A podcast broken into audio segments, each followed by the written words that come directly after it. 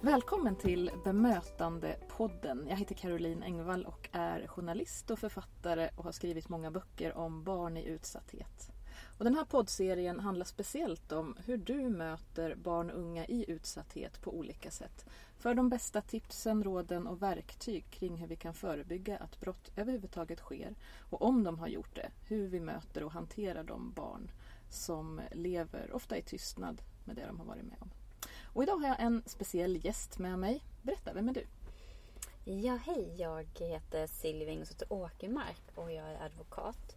och driver en egen advokatbyrå. Vi specialiserar på brottmål. Jag är ofta målsägandebiträde och särskild företrädare i ärenden där barn är utsatta, främst sexualbrott. Och tidigare var jag specialiståklagare och träffade då också många barn som är utsatta just främst för sexualbrott. Välkommen Silvia, du har ju många års erfarenhet av att just möta barn och unga i utsatthet. Vad är bra bemötande enligt dig? Det är såklart eh, beror ju på vem man träffar. Men jag tycker att man inte ska göra det så komplicerat. Man ska inte vara så rädd när man träffar barn. Men det viktiga framförallt när det är unga är att man är väldigt neutral och att man känner att man är trygg. När de pratar med att man inte är fördömande på något sätt. Att man inte säger oj varför gjorde du så? Eller man bara verkligen känner att man är öppen. Och man bara finns där och inte heller kanske så, tycker så synd om dem utan bara är den här trygga professionella advokaten då när man träffar dem. Varför tror du att vi är så rädda för att möta unga som mår dåligt på olika sätt? Jag har också funderat på det.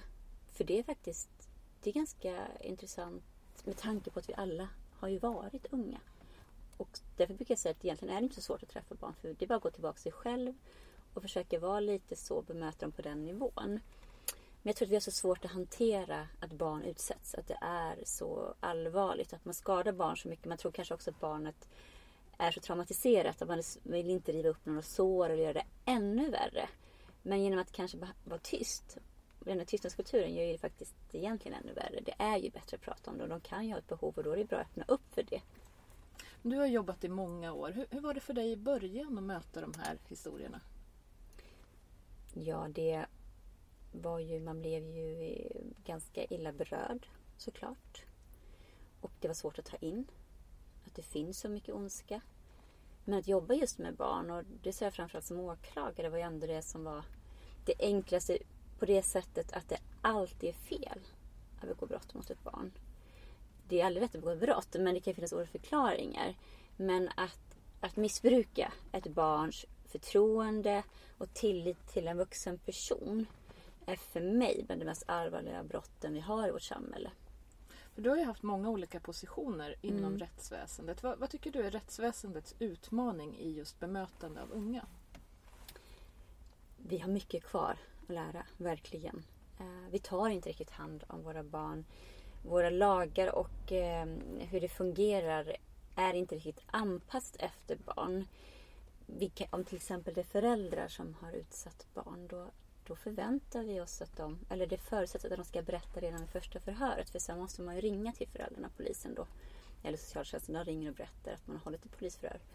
Och för mig är det så oerhört naivt att tro att ett barn ska först känna tillit till en advokat som kommer och hämtar dem. Som man aldrig träffat. Och sen flera poliser och socialtjänst. Det, alltså jag blir, kan bli liksom knappt att jag klarar av att hämta ett barn på grund av det. För jag vet att jag kanske kommer utsätta det för ännu mer skada. Och det, det rimmar lite illa så vi borde göra om vårt system och kunna ta hand om det bättre. Och sen när de är unga, precis blivit äh, över 15 till exempel, jag har med om två fall där de hörs i rätt den red, alltså de hinner fylla 15 och har varit utsatta för extremt många våldtäkter av närstående eller då äldre män som har utnyttjat dem. Och då ska de sitta i rätten och berätta och då blir de behandlade som vuxna.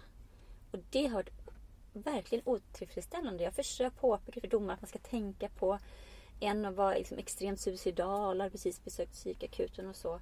Men då säger domaren nej men hon måste få, försvaret måste få möjlighet att ställa motfrågor och det tog en hel dag det förhöret. Mm. Um, och det känner jag att det finns inga riktlinjer skrivna om det. Hur hade du önskat att det skulle se ut? Jag menar på ett helt annat sätt. Att man hade riktlinjer skriva hur det får gå till ett förhör mellan till exempel 15 och 18 år. I och med att de inte ens hörs innan. Så det händer inte så mycket på en dag från 14 till 15. Och att man inte att man inser hur traumatiserande det kan bli och verkligen, jag vet i England i sexualbrott, då vi, träffade jag en QC, alltså en Queens Counsel, bland det högsta man kan komma då när man är brottmålsadvokat. Och hon berättade att där kan ju domarna ha en tio minuters anförande inledningsvis. Vilka frågor man absolut inte får ställa och där till exempel om man ska ställa kränkande frågor eller smutskastningsfrågor. Då måste man ansöka om det. Alltså typ du skickar in frågorna innan. Måste, så domarna måste tillåta det och då måste man förklara varför. Och så är det ju inte här. De kan ju få vilka frågor som helst. Det är ju inte förberett. Så att det borde vi lära någonting av, tycker jag, England. Hur det går till. Det. Så nya riktlinjer, lära av England. Finns det på andra sätt eh, saker som kan förändras i vårt system enligt dig? Tänker du på domstolsförfarandet då? Um, vi har ju så att de inte behöver till exempel höras i samma rättssal så det är ju bra. Um, tycker jag. Och sen så är det väl att man kan förbereda dem självklart som målsägandebiträde, särskild företrädare. Men även kanske få träffat då både åklagaren och även försvarsadvokaten innan att man får lite gå igenom rollerna mm. mer tydligt och även domaren. Att man inte ska heller vara så rädd för att, att påverka barn. För det kan man ju som målsägande se till att det inte blir. Men ändå att de känner sig trygga. Jag har varit båda gångerna varit på tingsrätten tidigare med barnen då så att de får se hur det ser ut och mm. vet var de ska sitta. Bra, det kan vara ett sätt. Hur kan mm. man mer göra för att barn ska känna sig trygga? Då hade vi också ett vittnesstöd som var med hela processen. Vittnesstöd, ja, ja. Som var jätte, jättebra. Och så har vi brottsofferstöd hade vi också som kom hem innan. Både, ena gången kom hem innan till familjen. Pratade allt. För att jag är liksom inte en jourhavande kompis eller psykolog. Utan jag ska ändå vara juristen. Sen kan man ju bara förklara. Men att verkligen fundera på allt. Förbereda, förbereda dem så bra man kan. Och inte heller sen kanske glömma efterarbetet. Vad som händer sen. Just det, det viktiga efterarbetet. Och vad kan man tänka på där? Det är att man har berättat lite vad som händer. Och när domen kommer och vad den innebär. Men sen också gjort en, ny, en lärdom som jag fick nyligen var att, att anhöriga kanske inte alltid ska vara med och mm. lyssna. Att deras reaktioner förstärker barnets trauma. Det har varit med verkligen nyligen och det, det är ju väldigt jobbigt att inse det och se. För då kanske man själv ändå förberett barn verkligen noga på vad som kommer hända och de har förstått och så. Så kommer andra bara Hur kan du få ställa sådana frågor? Det är fruktansvärt. De kränker ju henne. Man bara, ah, fast nu är det så att det ser ut så här och de frågorna måste faktiskt ställas. Och det är inte för att kränka och sådär. Men då blir ju faktiskt den utsatta ännu mer traumatiserad. Och så det ska man verkligen tänka på som anhörig. Att hålla inne med sina egna trauman och reaktioner mot den utsatta. Sen kan man få, då får man söka hjälp själv men faktiskt förstå vad det innebär för den utsatta. För det är också viktigt, precis som du nämnde tidigare, att hålla inne med sina egna reaktioner. Mm. Hur gör man det? Genom att förbereda sig. Genom att fundera på vad det är som faktiskt kanske kommer vid förhören. Att eh, öva sig på att vara neutral. Att öva sig att inte uttrycka sig att gud vad äckligt, nej fy vad hemskt. Sådär. Inte bara vara så neutral du kan. Men såklart kan jag säga, ja jag förstår att du mår som du gör. Eller nej men gud vad stark du är. Eller mer så. Men att inte fundera, inte gå in i gärningen. Vad mer som en kirurg brukar säga. Man går in kliniskt i det. Och tänker mer. Ofta gör ju många det. Men sen får man inte bli för avstängd. Man måste ju vara empatisk. Och det upplever jag ibland både, eller många, många som är fyrkantiga, väldigt konservativa, väldigt stela. Är, är, tror liksom blandar ihop att det inte är professionellt. Men då missar man att det är ju professionellt att vara empatisk. Men sen får man inte bli mer beroende eller liksom tycker synd, det är en helt annan sak. Men empatisk måste man ju visa och det kan man visa med en gest. Man kan våga ta på dem. Eh, alltså bara lägga en hand på deras hand. Alltså mer på liksom känna. Jag brukar säga att när man är i rätten, det säger jag även till vuxna. Att jag brukar säga att jag kanske eh, tar på dem, alltså nu är det främst vuxna i och för sig men nu tänker jag de över 15. Att jag tar på deras axel kanske bara greppa tag om deras underarm för att de ska känna att jag finns där. Bara för att de behöver känna en fysisk när de börjar bli väldigt, väldigt, eh, kanske kommer in liksom blir väldigt ledsna, upprörda. Att de behöver känna bara att man finns där för dem. Eh, är det alltid rätt med fysisk kontakt? behöver absolut inte vara. Men alla de gånger jag har gjort det, alltså när jag förklarat innan varför jag gör det, det beror på hur man gör det. Det handlar om att visa bara dem att jag finns här. Och man kan förbereda dem på ja, att jag självklart. kommer att göra det. Mm. Och säga att vill de inte så vill de inte. Såklart för många kan ju tycka det är jobbigt men ändå bara någonstans visa sig också ibland själv vara sårbara mänskligt. Hitta någon gemensam nämnare. Det kan vara allt från att de gillar rosa fotboll, vilken film, vilken bok. Alltså någonstans bara visa att man också är en normal person. Att de inte blir rädda för det. Hur personlig får man bli i bemötande om man är en professionell, har en professionell roll? Det varierar, ska jag säga. Det beror på hur, hur länge jag har kontakt med eh, målsäganden. Ju äldre de blir desto lättare såklart. Men inte när de är för små. Men jag kan ju säga till exempel att min bonusdotter spelar också fotboll. Sen säger inte jag vilket lag eller vad hon heter eller sådär.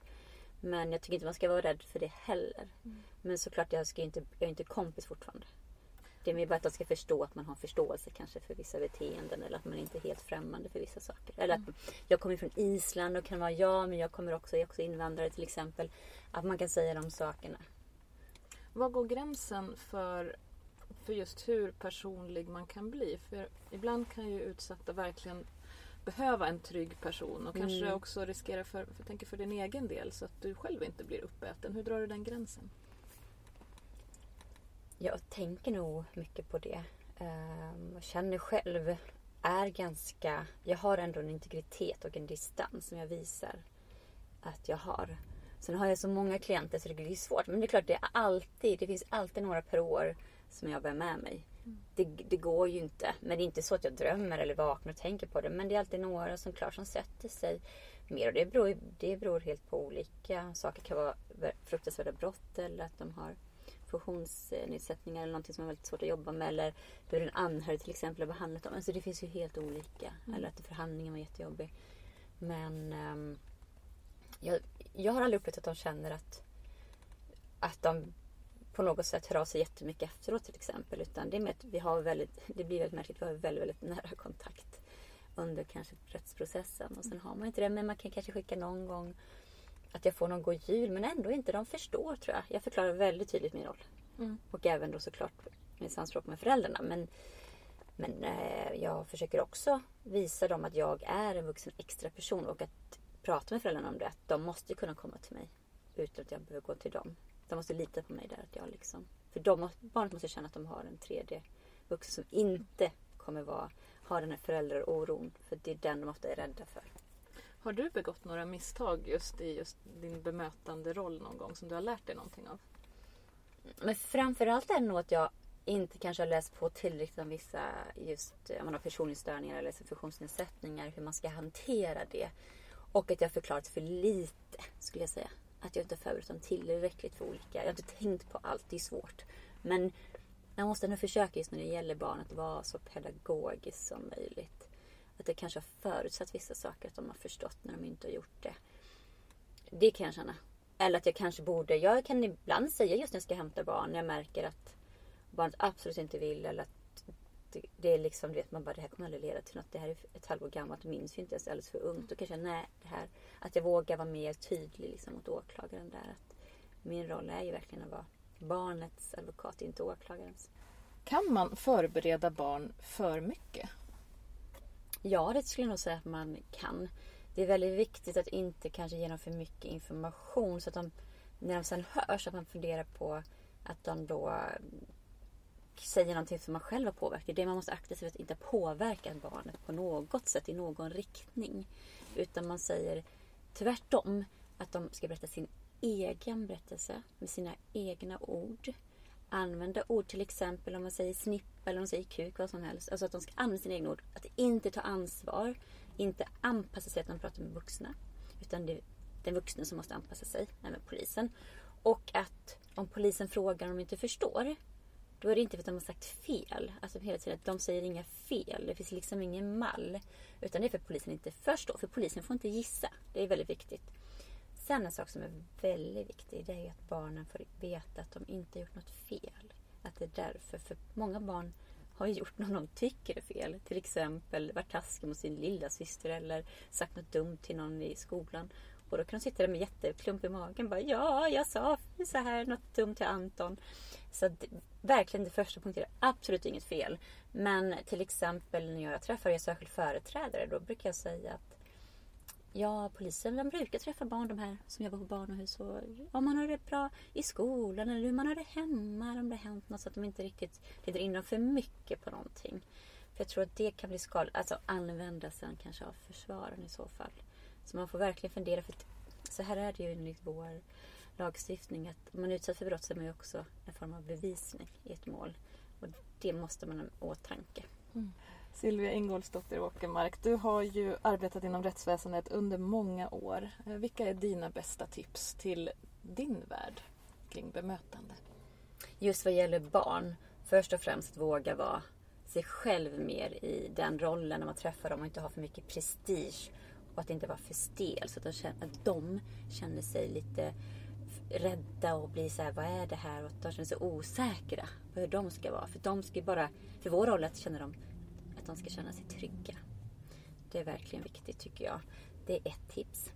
Sen såklart att vara verkligen påläst om det här barnet.